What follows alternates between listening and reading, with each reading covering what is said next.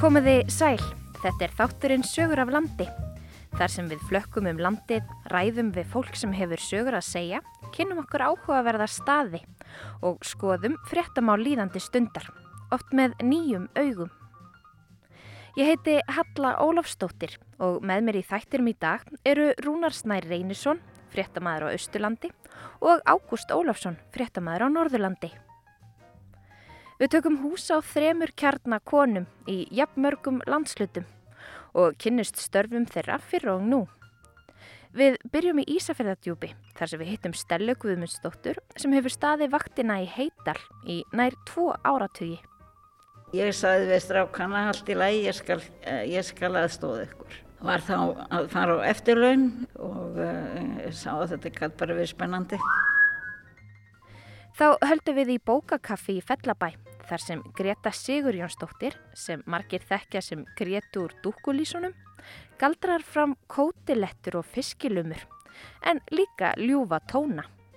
Ég er nú ekkert alltaf að spila núna og ég minga mjög mikið að spila í hátteginu en, en svona svo mikið að gera í eldhúsinu að, að maður má ekki vera að því að spila sko, það er ekki hægt að vera á taum stöðum. Og að lokum heyrum við að veðuratöðunum til 58 ára en Guðrún Sveinbjörnsdóttir tók veðri fyrir veðustofuna á Mýri í Bárðardal í öll þessi ár. Þetta var nú náttúrulega við sprengisans leiðina þar sem fólk þurfti að vita hvernig, eða gott fyrir það að vita hvernig veðri væri. Mm. Norðan heiða þegar það var að fara yfir sprengisand. En við byrjum í Ísafjörðardjúpi. Heitalur er ekki alfara leið. Hann er innanlega í vestanverðum Jóafyrði í Ísafjörðardjúpi sem hefur nú verið brúaður auðar og er því jafnan ekki á leið þeirra sem akka styrstu leiðum djúp. Í þetta skiptið er ég ekki á hraðferð og begin fjörðin rétt við Mjóafjörðabrú og ekk nokkra kílometra þar til ég kem að afleggjaranum í Heital. Halló, er þetta mótugunendin? Tveir hundar, þeir Bangsi og Loki, taka á mótu mér í anderinu að hótelinu í Heital. Takk fyrir. Það eru engir gestir í matsalunum þennan daginn, en við eitt borðið, önnum kafin, sittur Stella Guðmundsdóttir, húsræðandi. Hún rekur ferðarþjónustuna á samt sinni sínum Gísla Pálmasinni og tengdadóttur, Lóu Hrönn Harðardóttur. Stella hefur staði vaktina í Heital í tæp 20 ár eða svo. Við byrjuðum á því hérna að kaupa fyrst landi hérna hinum einn, Galtarhegg og það var vegna þess að, að, að sinni minni tveir og maður voru hérna höfð áhuga á að rekta fisk og skó. Og þá bjó bondi hér, ég, hann Áskjálsson, hann ákveður að selja jörðina, heital og hvarti sinni minna til þess að kaupa jörðina, það væri nú hérna mest vitið því úr því varum byrjuð að rækta þarna á vatn upp á heiði sem var sameinlegt og það verður svo úr að við kaupum hér án þess að vita hvað við ætlum að gera við jörðina. Einmitt. annað en að við ætlum að halda áfram í skórækt og, og fara út í grænmetisræktun. Síðan byrjuðum við á að endur nýja hér húsakostin hérna uh, íbúðarhúsið og þá svona vorum við að horfa á útihúsin og sjá hvað við ættum að gera við þau, hvort við ættum að bara rífa þau eða hvort við getum eitthvað gert við þau og þá fættist þessi hugmynd að, að það gæti nú verið skemmtilegt að prófa að sitja upp ferðarþjónustu hér. Já. Maður með var þá fallin frá og ég saði við strákana allt í lagi, ég skal, ég skal aðstóða ykkur. Já. Var þá að fara á eftirlaun og, og hérna og uh, sá að þetta gæti bara verið spennandi. Við þurfum eiginlega að bakka þessi tíma. Stella er nefnilega ekki alveg fætt í gær. Þegar hún setta á fót ferðarþjónustinni heital var það þriðji starfsferill Stellu. Hún fættist árið 1941 og setni heimstyrjöldin hafði áhrif á fyrstu ár lífshennar. Ég er fætt á Grænlandi. Þannig var að pappi sem var íslenskur, hann var á, á um, vísindaleðangri til Ellis Merland sem náttúrufræðingur og uh, mamma hún var engaritari hjá nýlendustjórunum í Túle og þau kynntust á leiðinni til Grænlands þarna rétt fyrir stríð. Hvaða ár var þetta? Þetta hefur verið 39 Já. og svo skellur stríðið á. Og þau lokast inni og tóku upp frekakinni þegar pappi kom tilbaka þarna frá Elismerland. Mm. Þau gifta svo í Túle og síðan setjast þau að í Asjad þarna í diskoflóanum og þar fæðist ég. Já. Síðan fekk pappi sem að var na, mjög hæfur kennari að hann fekk fyrirskipun um það hann gæti ekkert ráðið því sjálfur. Hann fekk bara fyrirskipun um að hann ætti að fara til Núk og kenna við kennaraskólan þar. Og það var bara að pakka saman þarna í flytti og farið þangað og, og þar fættist bróður minn og við förum þaðan sem sé þegar stríði líkur og já. Hvert fluttuði þá? En þá fluttum við eitt ár til Danmarkur því að uh, pappi vildi taka kænslufræðina með í þessu kantmagnámi sínu og svo komum við til, til Íslands. Já. En þú sagðir að þú varst að byrja eftirlaunum þegar þú fóst út Já. í þetta. Hvað gerður þér áður? Ég var skólastjóri í 20 ár í, Já. í Kópavogi Mm og uh, kennari í 20 ár þar undan. Ég veit. Ég kendi sem sé bæði eh, í Degranesskóla og svo í æfingaskólanum og í kennara og svolítið aðeins í kennaraháskólanum ég var með kennslufræðin í dönsku í, þar og síðan tók ég við fyrst Degranesskóla í tvö ár og svo 18 ári í kjallaskóla Já. Það sem varst skólastjóri. og þess að ég var skólastjóri, já. Einmitt. Og varstu skólastjóri þá, þangað til að, að, þú fórst á eftirlaun? Já, ég var, skó, uh, var það og svo var ég aðeins tengd við skólan í tvö árum meðan uh, og vorum að koma þessu stað hér. Mm Svo Svo hófst, fór ég al, alveg hinga, já. Og núna býrðu alfarið hér, er það ekki? algjörlega. En hvernig, hvernig finnst þér að- að, hefja svona nýtt starf þegar þú í raunin ert búin að vera í öðru starfi svona lengi og undan? Þetta er náttúrulega bara áskorun, þetta Já. var áskorun að, e, þetta var náttúrulega mikil áskorun að og hvort að yfir höfuð væri hægt að reka ferðarþjónustu á svona stað eins og þessum hérna. Þetta er náttúrulega fyrir þann tíma sem að sem að e, ferðarþjónustan er orðin jafn stór e, þáttur í, í, í, í Ekki svona ráðandi atvinnuvegur eins og hann er í dag? eins og í dag, Já. nei, nei, alls ekki. Þannig að þetta var áskorun. Já. Sem var spennandi og mér hefur alltaf fundist það mjög spennandi sko.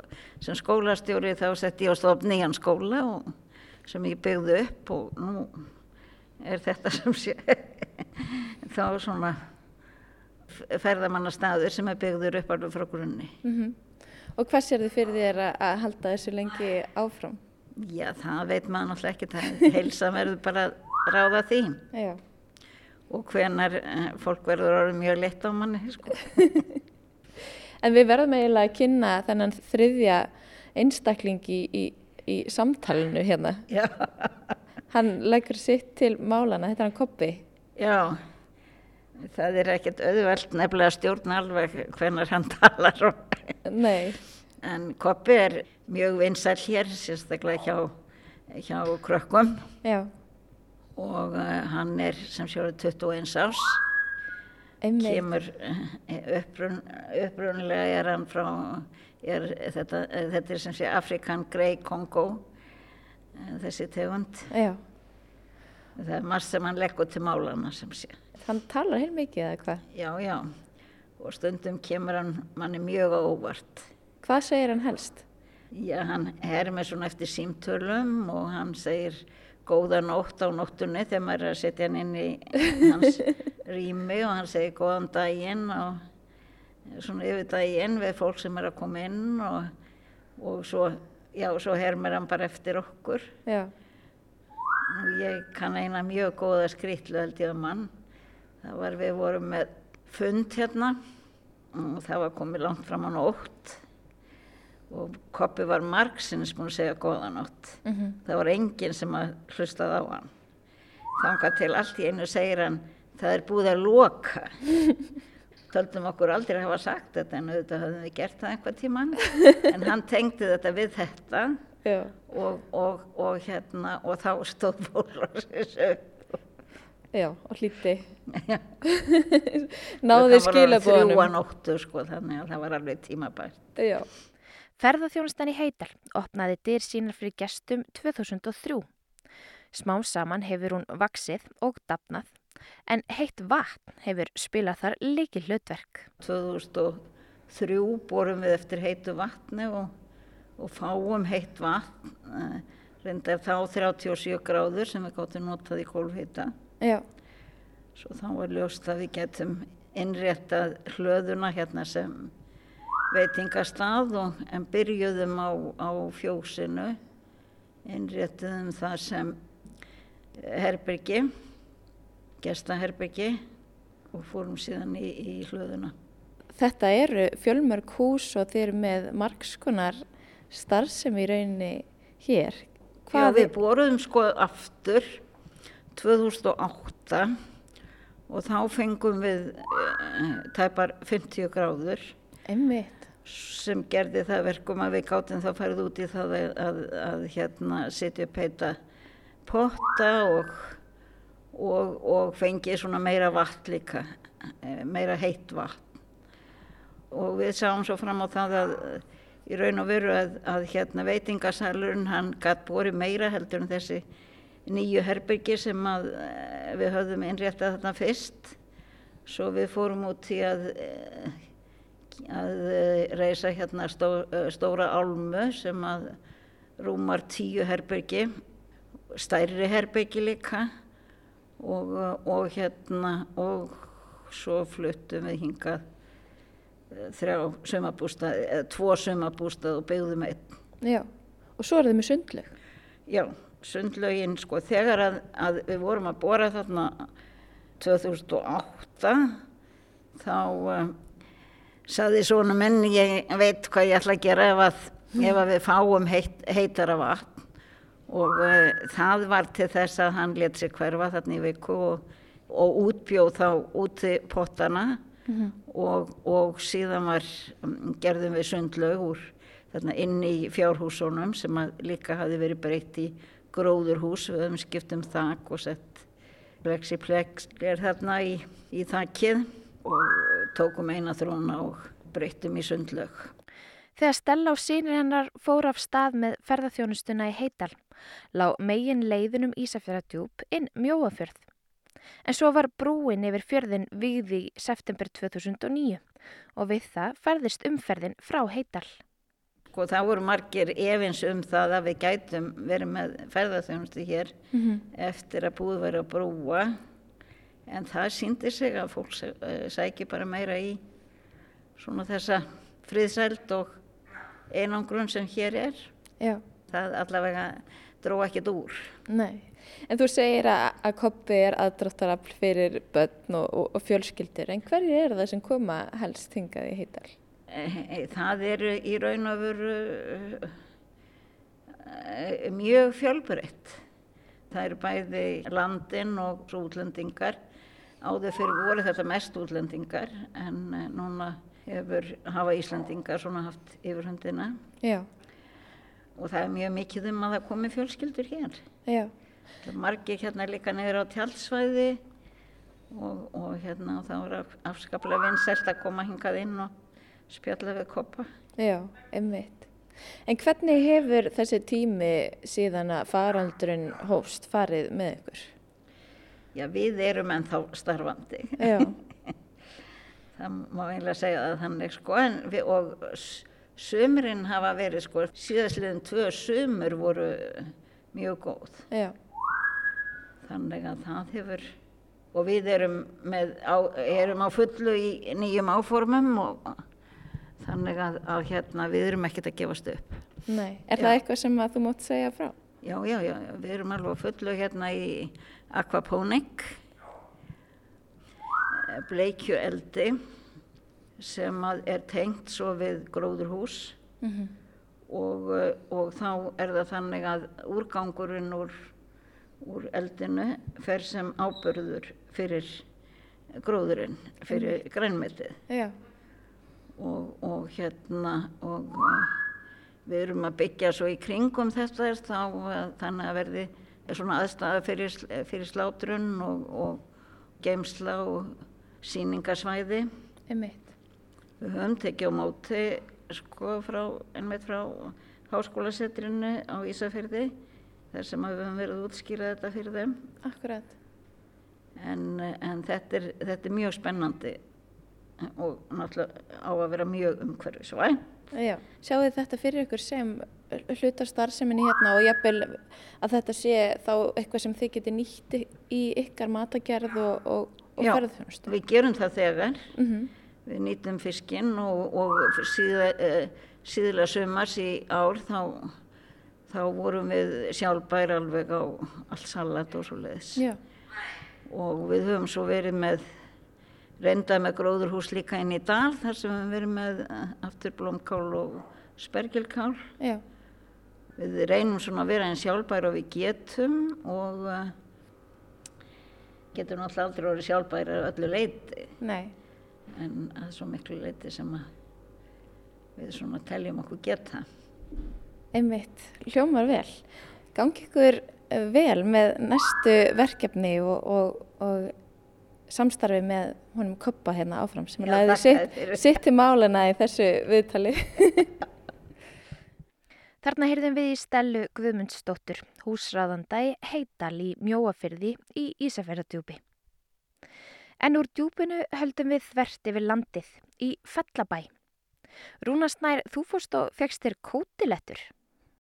Eh, Reyndar ekki í þetta skipti en það hefur vakið aðtekli mín að þegar bóðið er upp á kótilettur í raspi eða fiskilumur á bókakaffi á hlöðum í Fellabæ þá er ekki útiloka að það berist nokkri tónar út. Í bland við glamur í diskum og smjátt í fólki og það eru sérstaklega tónarnir sem hafa vakið forvetni mína. Og hvers konar tónar eru þetta? Þetta eru jafnan gítartónar þar sem hún Greta Sigurjónsdóttir sem stendur vaktin á bókakaffi tekur gerðan lægið og þar liggur reyndar nokkuð vel fyrir en það þekkja margir hana sem Gretu í dúkulísunum sem gerðu garðin frægan á nýjönda áratögnum. Við rennum á hljóðið og förum með rúnari í kaffið til Gretu.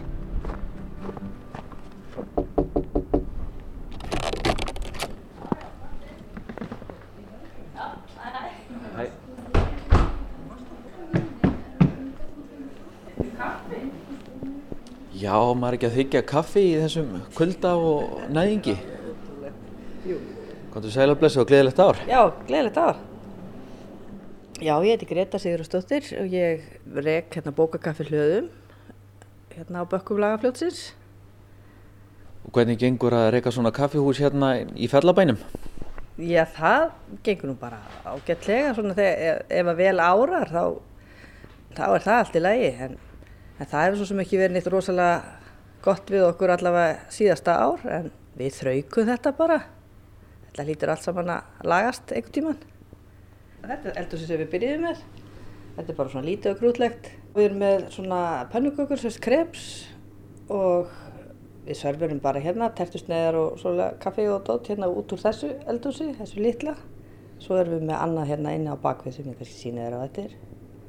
Við erum með súpur á mándum og sérst alltaf tvær íslenska kjötsúpu og græmitisúpu og á föstudögum líka og á föstudögum erum við svo með kökuhlaðbor og eftir því. En svo á miðvikundum erum við með kótilettur í raspi. Þá verður allt vittlust hérna. það, er all, það er alltaf jafn gaman og gott að pá kótilettur í raspi. Góð stemning og já. Og þá eru margir sem að mæta hérna og eru kótilettunar eru vinselar hjá þér. Það er alveg yfirleitt bara pakkfullt hús hérna og alveg sama þó að hvort sem er að vetri eða sumri. Á sumrin koma nú hérna bara, það kemur bara fólk sunnan að landi bara beilinist til þess að, að mæta í kótilettur í raspi. Við náttúrulega setjum alveg ást og alúð í þetta, við gerum þetta, rösmum þetta sjálfar og það er náttúrulega bara mikill rjómi og mikill smjör og allt svona, öll triksin í bókinni til þess að hafa þetta ægilega gott að- og það virkar. Svo á fimmtudögu þá erum við með fiskilumur, fiskilumur og brauðsúpu. Og fiskilumur er eitthvað sem við viljum tengja náttúrulega svolítið við bara okkar æsku, hérna, við byggum náttúrulega við sýstur sem að rekum þetta við byggum hér út í hlýð og það var ekki oft ferskur fiskur eða bara fiskmeti að fá. Að þannig að það fiskur endaði oft í svona lummum þegar búið að vera nýtan svona eins mikið og hægt var og hérna þú kannski þekki það líka. Jú, ég, það voru fiskilumur heimi á mér stundum. Já, var það ekki? En það er ekkit allir sem að þekkja, það er alltaf munur á fiskilummum og fiskiklöttum. Fólk hefur talað fyrir vestan, þá voru þetta klattar. En já, við hérna fyrir vestan, við, við þekkjum þetta sem lummur sem eru bara þunnar og ægilega góðar náttúrulega. Með róusalati og, og laukveiti og karteflum. Það er bara ægilega gott og svoleiðis erum við með það hérna.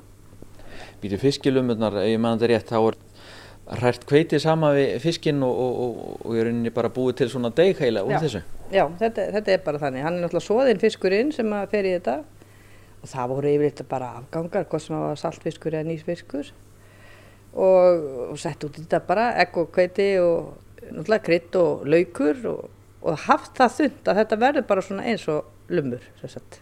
svona eins og lummur sem eru bakaða bara úr lummudegi nema það er fiskur í þessu. Og er þetta jafn vinsælt og kótilettunar? Þetta er alltaf að verða vinsælla og vinsælla.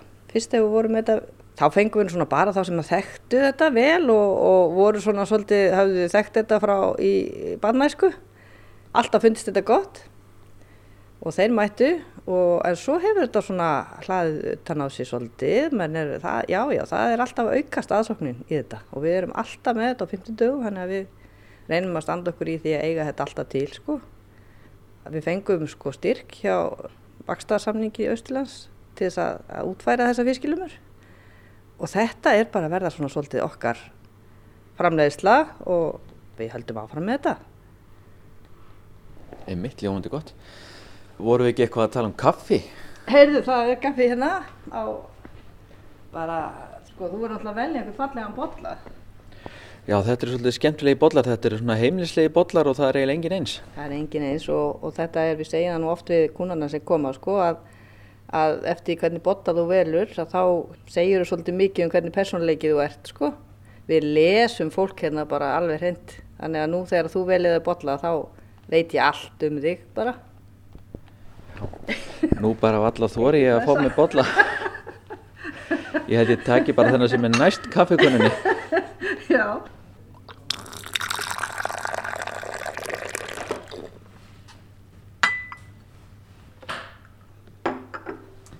Jæja, Greta, nú erum við sest hérna í horni. Þetta er svolítið vinsælt staður hérna á kaffihúsinu. Já, það er svo skrítið að, að á svona kaffihúsum að þá verða alltaf einhver borð lang vinsælust.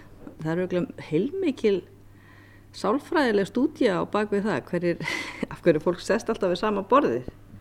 Við fá kannski næði hérna í horninu og, og svo eru náttúrulega bækurnar hérna allt um líkjandi hérna við þetta borð. Já, það er kannski málið. Þú þarf bara að tegja út hendina og þá ertu bara, þá grípur bara einhverja góða bók og, og fólk náttúrulega, það má alveg lesa, það er alla bækur til sölu, þetta er náttúrulega bara gamla bækur og, og hérna við seljum þær á eitthvað 250-300 kall ef að fólk dettur ofan í eitthvað sem að vil grípa með sér að þá bara kaupi þessi bók. Svo kemur það stundum með bókina bara aftur og gefur mér. Þetta er ekki það mikil peningur fyrir þetta. Það er kannski þess vegna sem að þetta borðið svona vinsælt að að það er hérna alveg stutt í bækurnar. Hvernig bækur ertu nú aðalega með hérna á kaffihúsinu? Er þetta bara algjör tilviljum hvaða bækur hafa ratað hingað? Já, það er það, er það nú svolítið. Sko við vorum náttúrulega uppalega þegar við komum hérna þá vor, tókum við við bókalagatun sem Sigurbjörn Brynjólfsson var með. Það var náttúrulega bókabúð hérna ára en við komum. En hann var búinn að vera hættur í daldi tíma og þannig að það voru bara fullt af bókum hérna til en, en hérna nú erum við búin að breyta svo mikið og, og hérna á bakvið var bókalagar, við erum búin að breyta því í eldhús. Það er ekkit voðalega mikið pláss fyrir bækur að þannig að nú veljum við svolítið ástæði þingmúla. Hún hefur verið daldi mikið að velja bækur hérna inn og, og breyta og bæta og fyrir jólin á vor við alltaf með svolítið á nýjum bókum. Það, var, það er minna af því núna og við gerðum ekkit af því núna því að bara, það eru bara erfitt að slást við stórmarkaðina í, í bóka, jólabóka bransanum, þannig að það er bara endalus vinna og ekkit út úr því að hafa, þannig að við hættu því núna. Nema bara svona það sem við eigum, sem að tengist hérna austur, ef það eru höfundar sem er að, að hérna gefa út sjálfur, kannski hér og svo félag ljóðunind á Östurlandi og, og bókstafir okkar bókaforlag hérna sem hér fyrir austan. Þetta er allt saman til hérna, það er svona bækuna þeirra. En að öðru leiti þá er þetta nú bara svona gamla bækur og alls konar verðmæti. Það er ekkit rosalega feitur business, þessi bókabusiness sko, en samt er fólk alltaf að lesa bækur. Fólk er ekkit hægt að lesa, en nú er svo lítið mál að panta þetta bara af, af efnum og þetta er bara komið úr stægin eftir það er allt orðið svo miklu auðvildara svona þannig að, bara panta sér það sem maður vill og fá með posti þetta er kannski svona þróunin bara í nótskurn Þannig að þið notið bara bækurna svona til að búa til stemningu og, og, og laða fólk til ykkar og svo seljið því bara kaffi og, og kökusneið? Já, og það er það er eitthvað svona sérstakt við það að hafa bækur í kringu sig. Það er eitthvað svona sérstakt andrúsloft sem sem að myndast og það er eitthvað rólindi sem fylgir því og, og einhver notaleg heitt að hafa bækur og geta glukkað í þær bara af því að það er nú gamlar að þá náttúrulega meiga allir bara að skoða allt sem þið vilja og við erum með krakkahotn hérna líka það sem er alltaf á bókum og það er allt saman svona gamla bækur sem krakka meiga bara grúska í og lesa og, og það er bara mjög vinsælt Hvernig er að eh, vera að reyka svona kaffihús eh, sjálf og þú nánast býrð hérna á kaffihúsinu, þú ert búin að útbúða þér hérna íbúð hérna við hliðina. Já. Þú þarfst að vera svolítið skipulöðu það ekki, eða þú ætlar að eiga einhverja tertur handa fólki? Já, við höfum náttúrulega haft þetta bara sér dagstað, þannig að við erum bara á veitunar og opið frá 11 til 5 og alltaf loka á sunnudögum og lögadagarnir þá erum við bara með opið rétt yfir svona kaffitíman frá 25 og þá einbeittu við okkur að því að, að vera bara eiga eitthvað til, við höfum aldrei verið með þessi kökulagborð og yfir svona kaffitíman að þá, eins og á förstu dögum að þá er kökulagborð sýsti mín og Svandis, hún með mér í þessu. Við, við erum svolítið svona svolítið tortkofar í þessu að, að hérna, við viljum hafa kökulagborðin bara, þú veist, með einhverju svona hnallþórum og þetta er svona fermingaveislu stemninga í því og, og, hérna, og fólki finnst það líka svolítið svona skemmtilegt að geta bara vaðið í terturnar og fengið sér það sem maður vill og jafnvel að smakka á öllum. Og útlendingarnir hérna á sumurinn, þeim finnst þetta alveg geggjað að geta smakka bara á öllum tertunum og, og þetta hefur bara komið vel út en hérna, jújú, jú, það krefst allt skipulagningar náttúrulega, alveg sama hvað það er og en svo bara kemst þetta upp í vana, við vitum hvað við þurfum og passum upp á það að, að það sé til, það sem að fólk byður um Já, svona, í flestum tilfellum. Við stýrum þessu þetta svolítið sjálfar líka. Og svo ertu líka að passa upp á það að það sé skemmtileg stemning hérna oft í hátteginu og þú ert nú mikil tónlistakona. Já, takk fyrir það. Já, ég, á tímabilið þá spilaði ég alltaf hérna í hátteginu. Það var náttúrulega, þá vorum við með heimilismat hérna alltaf í hátteginu. Svo það eiginlega óks okkur svolítið yfir höfuð og, og við svo satt breyttum til og fórum að hafa þetta einfaldara ég er nú ekkert alltaf að spila núna og ég minkað mjög mikið að spila í hátteginu en, en svona og hérna annars bara svo mikið að gera í eldhúsinu að, að maður má ekki vera að því að spila sko, það er ekki hægt að vera á þeim stöðum. Við Erla Ragnars hérna sönguna í Dúkulísunum, við höfum aðeins verið að að semja hún og hinn er landsfotninu sko, hún er í Hafnafyrði og við höfum verið að semja og erum búin að gefa út þrjú lög svona bara tvær sko. Þannig að þetta hefur færst svolítið bara þangað að við höfum verið að vinna þetta öðruvísi og, og bara og gefa út og það er líka bara rosalega skemmtilegt. Ég, ég var einmitt að hugsa um það hérna ég myndi bara taka eitt lag svona sem, að, sem við erðla gáum út. Það er svona svolítið notaleg stemning í því og, og er svona um vonina og vináttuna og ástina og, og það er kannski svolítið COVID keimur eitthvað í þessu því að þetta er nú það sem að menn fóru náttúrulega svolítið að endur skoða þegar menn þurftu að vera heima og, og gáttu sér hverkir heift og fóru bara að hugsa kannski um lífið og tilvöruna og öðruvísi hátt. Já, ég er nú ekki hvernig gengur að syngja og svona, þú ert svo snemma á ferðinni.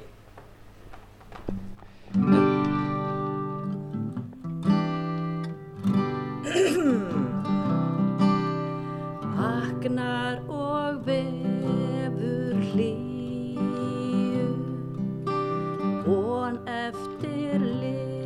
litla kríu Rekur á braut, svartnættis þraut Svo faðmar hún mig að nýja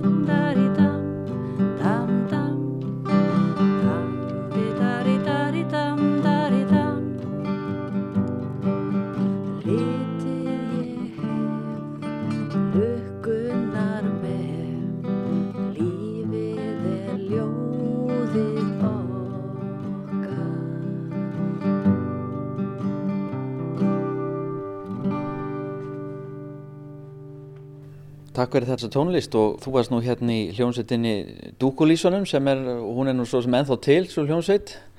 Ætli þið að gera eitthvað á árunni 2022? Það þarf að halda einhvern mjög mikilvægan fund um það því að við verðum sagt, bandið færtugt núna 2022. Þetta var stopnað 1982. Það er svona verið að aðeins að möndla, verið að aðeins að spá í hvort að við eigum að gera eitthvað og hvað við ættum að gera. Við erum, alltaf, að spila á og til og það er ekkert langt síðan að við vorum með heilmikla jóla tónleikatörn 2017, 18 og 19. Við vorum að spila Eirarokki hérna um daginn á Akureyri og, daginn, það var í oktober. Og við erum alltaf að spila eitthvað þannig að það væri ekki, þannig ekki mikið mála kannski að hóa saman liðin og vera með eitthvað. En það þarf að vera eitthvað svona spes sko. Vera ekki bara tónleikar, heldur eitthvað svona viða meira. Við vorum nú þegar við vorum 30 að minni mig, frekar en 35, þá vorum við með dagskrá út í Viðey sem var svona okkar framlag í, til svona bara kvennabaráttu og þetta hefur alltaf fyllt okkur svolítið, svona þessi kvennabarátta og, og barátta fyrir því að konur sé í tónlist og, og nú er náttúrulega langt síðan að þær fóru að vera í tónlist en það er einhvern veginn heilmikil barátta ennþá í sambandi við það að, að, hérna, að stelpur læri á hljóðfæri og, og séu í svona rockböndum að ég vil meina að þeim hættir svolítið til að, að velja svona þessi þægilegri svona fínni hljóðfæri sem er kannski ekki með eins mikið læti eins og, og ramanskítar eða trommur og, og rock'n'roll sko. Og ég vil náttúrulega endilega halda því að ungu fólki og, og bara svona þessi hljómsveitastarfi það er rosalega bara gefandi og skemmtilegt. Eða já, mér fannst það allavega það, voru, það eru auðvitað breytti tímar. Greta Sigurjónsdóttir Dúkulísa og uh, stjóri hérna á uh, bókakaffi á hlöðum í Fellabæ. Takk hérlega fyrir spjallið. Já, takk fyrir það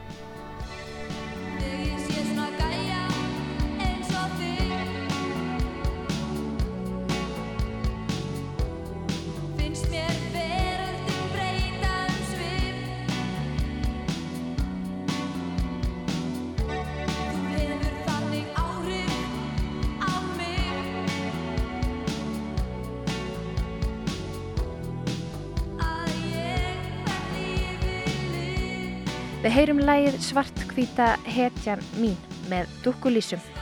En Rúnar Snær Reynisson rætti við Gretu Sigurgestóttur sem stendur vaktina í bókakaffi Fellabæ en á líka að baki glæstan feril með hljómsveitinni Dúkkulísunum.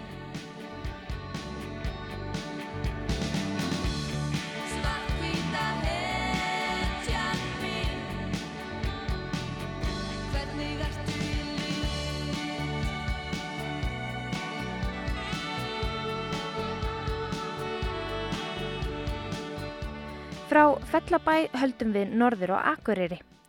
Þar ætlar Ágúst Ólafsson að gá til veðurs. Já, eða kannski frekar að hlusta á sögur af veðurfrettum. Ég ætla að hitta konu sem tók veðrið fyrir veðurstofuna í 58 ár, hvorki meira en minna. Sauðanesviti, norð-norðaustan 6, regning skegni 3 km, hafrót, híti 2 stig. Grímsei, norð-norðaustan 6, súld skegni 4 km, hafrót, híti 4 stig. Mánarbakki, norðaustan 4, skíjað, stórsjór, híti 4 stig. Grímstæðir, austan 4, snjókom á síðustu klukkustund, híti við. Rauvarhefn, Þarna heyrðu við ekki veðurskeiti frá Mýri í Borðardal en þar er ekki lengur tekið veður því þegar Guðrún Sveinbjörnsdóttir laug störfum eftir marga áratugi laug jafnframt sögu veður að tugana á Mýri. Guðrún er nú sest í Helgan Stein og flutti í Skarslíðin á Akureyri.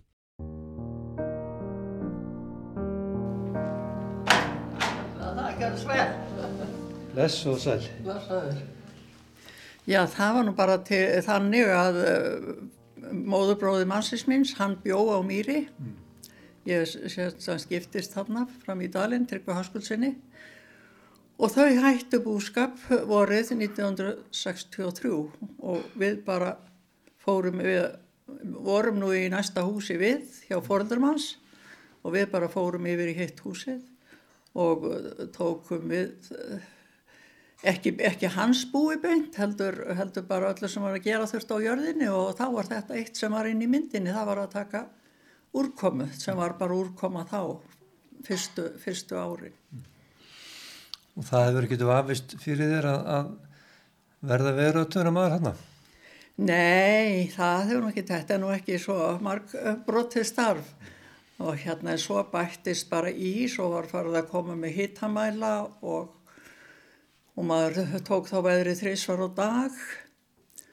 Og, og náttúrulega þá þarf maður líka að lýsa veðri og öðru slíku en svo fyrir einum, já, allir, það er svona rúm 20 ár, þá var farið að senda bara í tölvu, jafn óðum veðrið og það, það var eins, það var bara þrís á dag og það var bara nýja mótnana þrjú á daginn og nýja á kvöldin svo maður þurfti nú aldrei að vaka á nóttinni yfir þessu. Þurftur að, að mentaði eitthvað, fórst á námskeifu veðurstofunni eða hvernig, hvernig varstu undirbúin þegar þú byrjar að taka veðri? Nei, nei, nei, þetta var svo einfalt að þetta var, þurfti ekkert að læra til þess. Hérna, ég var nú nýjórðin búfræðingur, það hefur örglega hjálpað mér að geta til um veðrið. En hérna, svo aftur þegar þetta var farið að koma inn í tölvu þá voru aðeins hjá mér að kenna mér en ég heyrði að konan sagði strax að það er ekkert að skipta sér að þessu, hún kláraði þessu allir. Þá var maður komin með tölvur sko og, og þá er þetta svo auðvelt.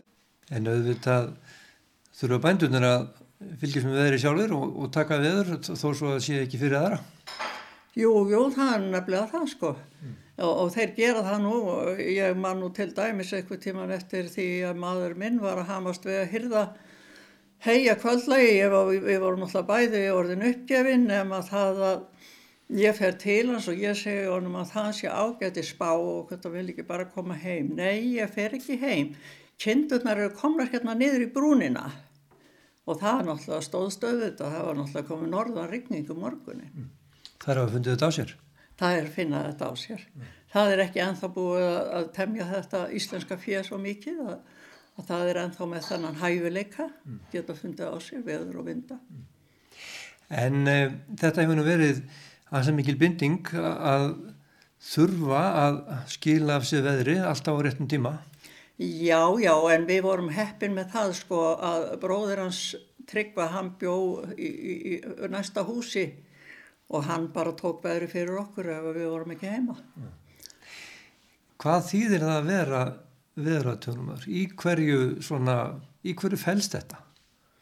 Já, þetta náttúrulega bara fælst í því að þetta er bara, ég, hvað maður að segja, þetta er bara vísindastarf mm.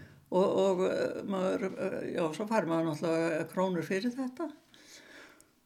En fyrst og fremst er þetta bara vísindastarf og náttúrulega passa upp á allt að hafa það nákvæmt og ekki, ekki að trassa neitt.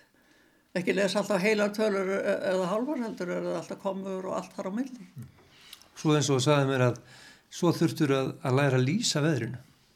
Já, já, maður þurft að læra að lýsa veðrinu, sko, hvað skíafarinu mm. hvað, og, hérna, og líka náttúrulega hvað sást langt og, og hvað mörg vindstig eða, já, það var nú bara í tölum sem að maður skráði þetta mm. og það auðvitað er maður ekkert vissum að hafa alltaf verið rétt gert, mm. en maður reyndi svona að hafa þetta ykkur lægi, því að þetta var nú Náttúrulega við sprengisans leiðina þar sem fólk þurfti að vita hvernig, eða gott fyrir það að vita hvernig veðrið væri. Mm. Norðan heiða þegar það var að yfir sprengisand. Þannig að veðurstöðin í mýri hefur, hún hefur skipt máli fyrir marga? Já, ábyggilega. Þó veit maður aldrei um það sko hvort að fólk hlustar nógu vel eða fylgist nógu vel með því þegar að, hérna, það er að leggja út í, langferðir. Mm. Svo sem síndi sér nú stundum að menn vissur nú lítið út í hvað þeir eru að fara. Við erum oft búin að lendi því á mér að, að fólk, eh, já, kæmist í alls konar vandræði. Mm. En eh, á öllu þessum árum og áratugum að þá, þú lítur nú að lendi í ymsu, það er nú ekki alltaf gott veður og þú er kannski taka veðrið þó að, þó að veðrið sé vond og allt það? Jú, jú, maður að taka þetta var náttúrulega mjög þægilegt yfirleitt hjá okkur að stökt út í veður, eða mælahúsi þar sem að hitamælinni væri en hins vegar þurfti ég að fara yfir gróð til að fara í hérna úrkomumælinn, það þótt ekki gott að hafa hann álagt bænum og, og uh, ég var nú ístun að segja frá því eitthvað í þarna um daginn að uh, þá svo sem kom ímislegt fyrir mann.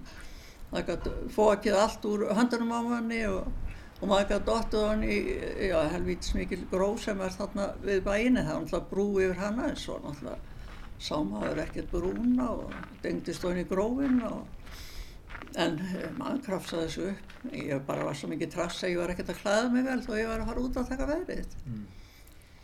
Lendur þú oft í svona remmingum? Nei, ekki oft en ég man nú eins og eftir því að þá var náttúrulega svo ægilega hálka bara að ég bara og, og samfæld svell og ég bara fauk no, fauk bara norður endalist á hana fullt af fólk í bænum og ég var alltaf óskað eitthvað kemur út og reynda að hjálpa mér en loksins gæti ég nú krafsa mig eitthvað staðar að landi mm. Nautabú, norr-norvestan nýju snjókoma skigni 100 metrar, hiti við frósmark. Sauðanesviti, norr-norðaustan 6, regning skigni 3 kilometrar, Hafrót, híti 2 stig. Akureyri, norvestan 8, regning og súld, híti 2 stig. Nú situr öll þjóðin mér og minna við útvarpið og, og hlustar á veðafregnir á rása 1. Það var margir, margir heilt skilabúðin frá þér. Fegst þú á öllum þessum árum einhver sérstu viðbröð svona tilbaka og, og símtöl eða, eða eitthvað frá fólki? Nei, aldrei nokkuð tíman að fengi það og, og maður heyri nú bara að það er mest fólk sem er í návíu viðmann sem hlustar á veðrið. Og ég til dæmis ef ég er að hlusta á veðrið í, í útarpinu þá hlusta ég alltaf hvernig það er í Littlávík og Ströndum en ég er ekkert að hugsa um hvernig það er hér það kemur ekkert við Af hverju gerur það? Nú, af því ég er fætt á uppælinn í Ófisir og Ströndum í Árensreppi og þetta er eitthvað ótrúlega taug sem að fylgir fólki alla æfi mm. þar sem er fætt og uppælið þó maður sé búin að vera mörgur sem lengur á öðrum stöðum og þá er þetta alltaf eitthvað sem ríkir í hugamanns mm. og mann finnst mest um áli skipta og, og þetta er þá eitt sem fylgir veðurfrættunum í útöfnum að það getur hugsað heim til, til gamla byggðir Jú, jú, jú, jú að vísa er þetta náttúrulega ekki, ekki heim í ófyrsirði en þetta er þarna í Trekkeltisvíkinu og, og ég hugsa alltaf þanga heim þegar mm. sé fyrir mér hverju aldrei hæðin er eða hverju vindurinn er eða hvað sem er. Littla ávík norðan 10 snjókoma skegni 1500 metrar, hafrót, frost 1 stig. Og þú hlustar frekar eftir því núna heldur en e, veðrinu í Borðardal. Já, já, já, það er náttúrulega ekki svo sérstaklega lýsingar frá okkar svæði þannig nefnum Mývarsveit, maður hlusta nú ofta á, á hittamælingar í, í, frá Mývarsveit eða staðarhóli til þess að hafa hugmyndum svona hvernig þetta sé. Þetta segir hún kannski það að, að hvað þetta skiptir máli, að, að menn vilja fá að vita hvernig veðrið er. Já, alltaf sé ekki mest bara svona fullorði fólk sem er að hugsa um þetta. Ég held nú að mörgum yngra fólki þykir þetta nú bara mest að leiðinda töð þegar að vera að lesa upp stöðunar og annað í, í útverfinu. En e, þetta voru mörg ár og, og hérna ímislegt minnist þetta er ég frá, frá öllum þessu tíma. Já, já, það er svo sem, þetta spilaði svo sem ekkit stóra rullu í manns lífi mm. veðuratöðunar en mér fannst, samt mér fannst nú samt alveg ljómandi gott er ég kom að ykkur á ráðstöfin í Reykjavík og, og hún hérna Valborg Bentsdóttir já þú ert veður aðtuna maður. Mér fannst það rosalega upphefð sko. Ég væri ekki bara einhver húsfreyja í sveit. En, en fannst þér þetta þá ekkit sjálfri að, að þetta væri svona merkilegt og, og margir sem að reytu, reytu sig á að veri hjá þér? Nei, það hugsaði ég nú aldrei nokkuð til hann úti. Þetta var náttúrulega eins og annað an, í blessuðum búskapnum, bara ósku hverstafslegt og ágætt. Mm. En núna sittum við hér sama við, við borstofaborði í Skarslið og Akureyri sem þýðir að þú ert hægt að taka verið. Já, já, nú er ég alveg hægt að taka verið. Við fluttum hingað til Akureyrar, hérna rétt fyrir jólinn í vetur og við erum búin að stofna okkar heimili hérna leiðis að enda er að við nú orðin anskoti gömur og ágætt að fara að taka því bara rólega. Hveravellir, norr-norvestan 9 snjókoma skegni minnin 100 metrar, frost 5 stig. E, hlustar á veðrið núna á mótana? Nei, nei, nei, nei, nei, nei, nei, nei, ég hlusta ekkert á veðri og það maður náttúrulega heyrir oft veðurlýsingar þegar maður er með ráseitt mm. á en ekki það var, ég er ekki alltaf stuða. Ekki nema eitthvað sérst, al, alveg sérstakt sé að gerast. Mm. En það er nú yfirleitt svo veður gott hér á Akureyri og maður þarf ekki að ágjöra því. Nefna helvítis hálkunni, hún er alveg rosalega, maður þarf að ágjöra henni. Mm. Það, það er kannski öðruvísi veðurlag hér en, en lengst upp í Baradal? Já, ég held að sé nú með það er náttúrulega mikið öðruvísi mm. en það er ekki tarmið sagt að maður heldur nú alltaf að sé miklu betra hérna inn í vegafjörðin en það er ekki tarmið sagt, það er nú til dæmis svona í, í, í þóku eða svona þókumullu á sumriðin stundum að þá liggur yfir hér þóka þó þessi glada sólskip frá mýri það var bara sinni minni sagt þegar þeir eru að koma stund það verður að koma mm. En að öðru leiti er nú yfirleitt náttúrulega miklu betra hér við Eyjafjörð heldur en en það er mýri nú í 300 metra hæð svo leiðis að það muna nú ansi miklu. Mm. En þið eru komið hér í bæin og, og, og allir síðan bara að njóta efri árana hér? Já, já, við ætlum að reyna það. Við, hérna, hvað, hvernig sem við förum nú að því, við erum svo bara vöna að vera rólu þetta heima hjá okkur saman að okkur hættir nú mikið til þess að gera það sko en, en, en auðvitað þykir okkur gaman ef við getum fengið eitthvað að skrepp á hestbakk eða svonur okkar án og hér jörð yfir í heiðinni og, og við hérna kannski búist við því við getum þá eitthvað dinglaði í kringum það þegar, sumrar, vorar, maður getur eitthvað sett niður róur eða kartöflur eða eitthvað. Eh, búskapurinn er, er aldrei langt undan, er ég? Nei, nei, það er nú búin svona setna árin hjá mér, þá hefur það verið óða mikið þannig að ég hef verið að vinna í garðvægt. Mm. En, en hún, ég tekna það fram og hún hefur nú verið, er nú náttúrulega alls hans erfið þarna framfrá, mm. oft á tíðum, þó maður er alveg dásanlega í sömar, það var nú. Mm. En eins og allt sem að hér er bara sprettur bara upp á jörðinni, þá þarf maður að hafa yfir vermireiti þegar maður er komin frá mýri fyrir þarna sem oft er nú óskaplega leiðin söðvestan rók ef hann fer í söðvestanáttin og, og vil þá rífa og tæta allt hjá manni en þetta er bara svona, svona lífið Takk að kjalla fyrir spjallið og, og hérna ég vona bara að þið gangi vel að rækta garðin hérna í eifirnum Já, þakkaði fyrir. Þakkaði sem leiðis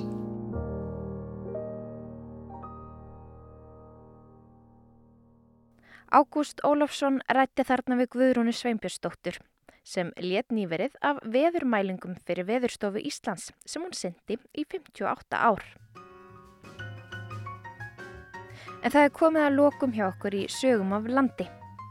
Viðmælendur í þættinum voru auk Guðrúna Sveinbjörnsdóttur, Greta Sigurgesdóttir sem stendur vaktina í bókakaffi í Fellabæ og Stella Guðmundsdóttir hjá ferðarþjónustunni í Heidal.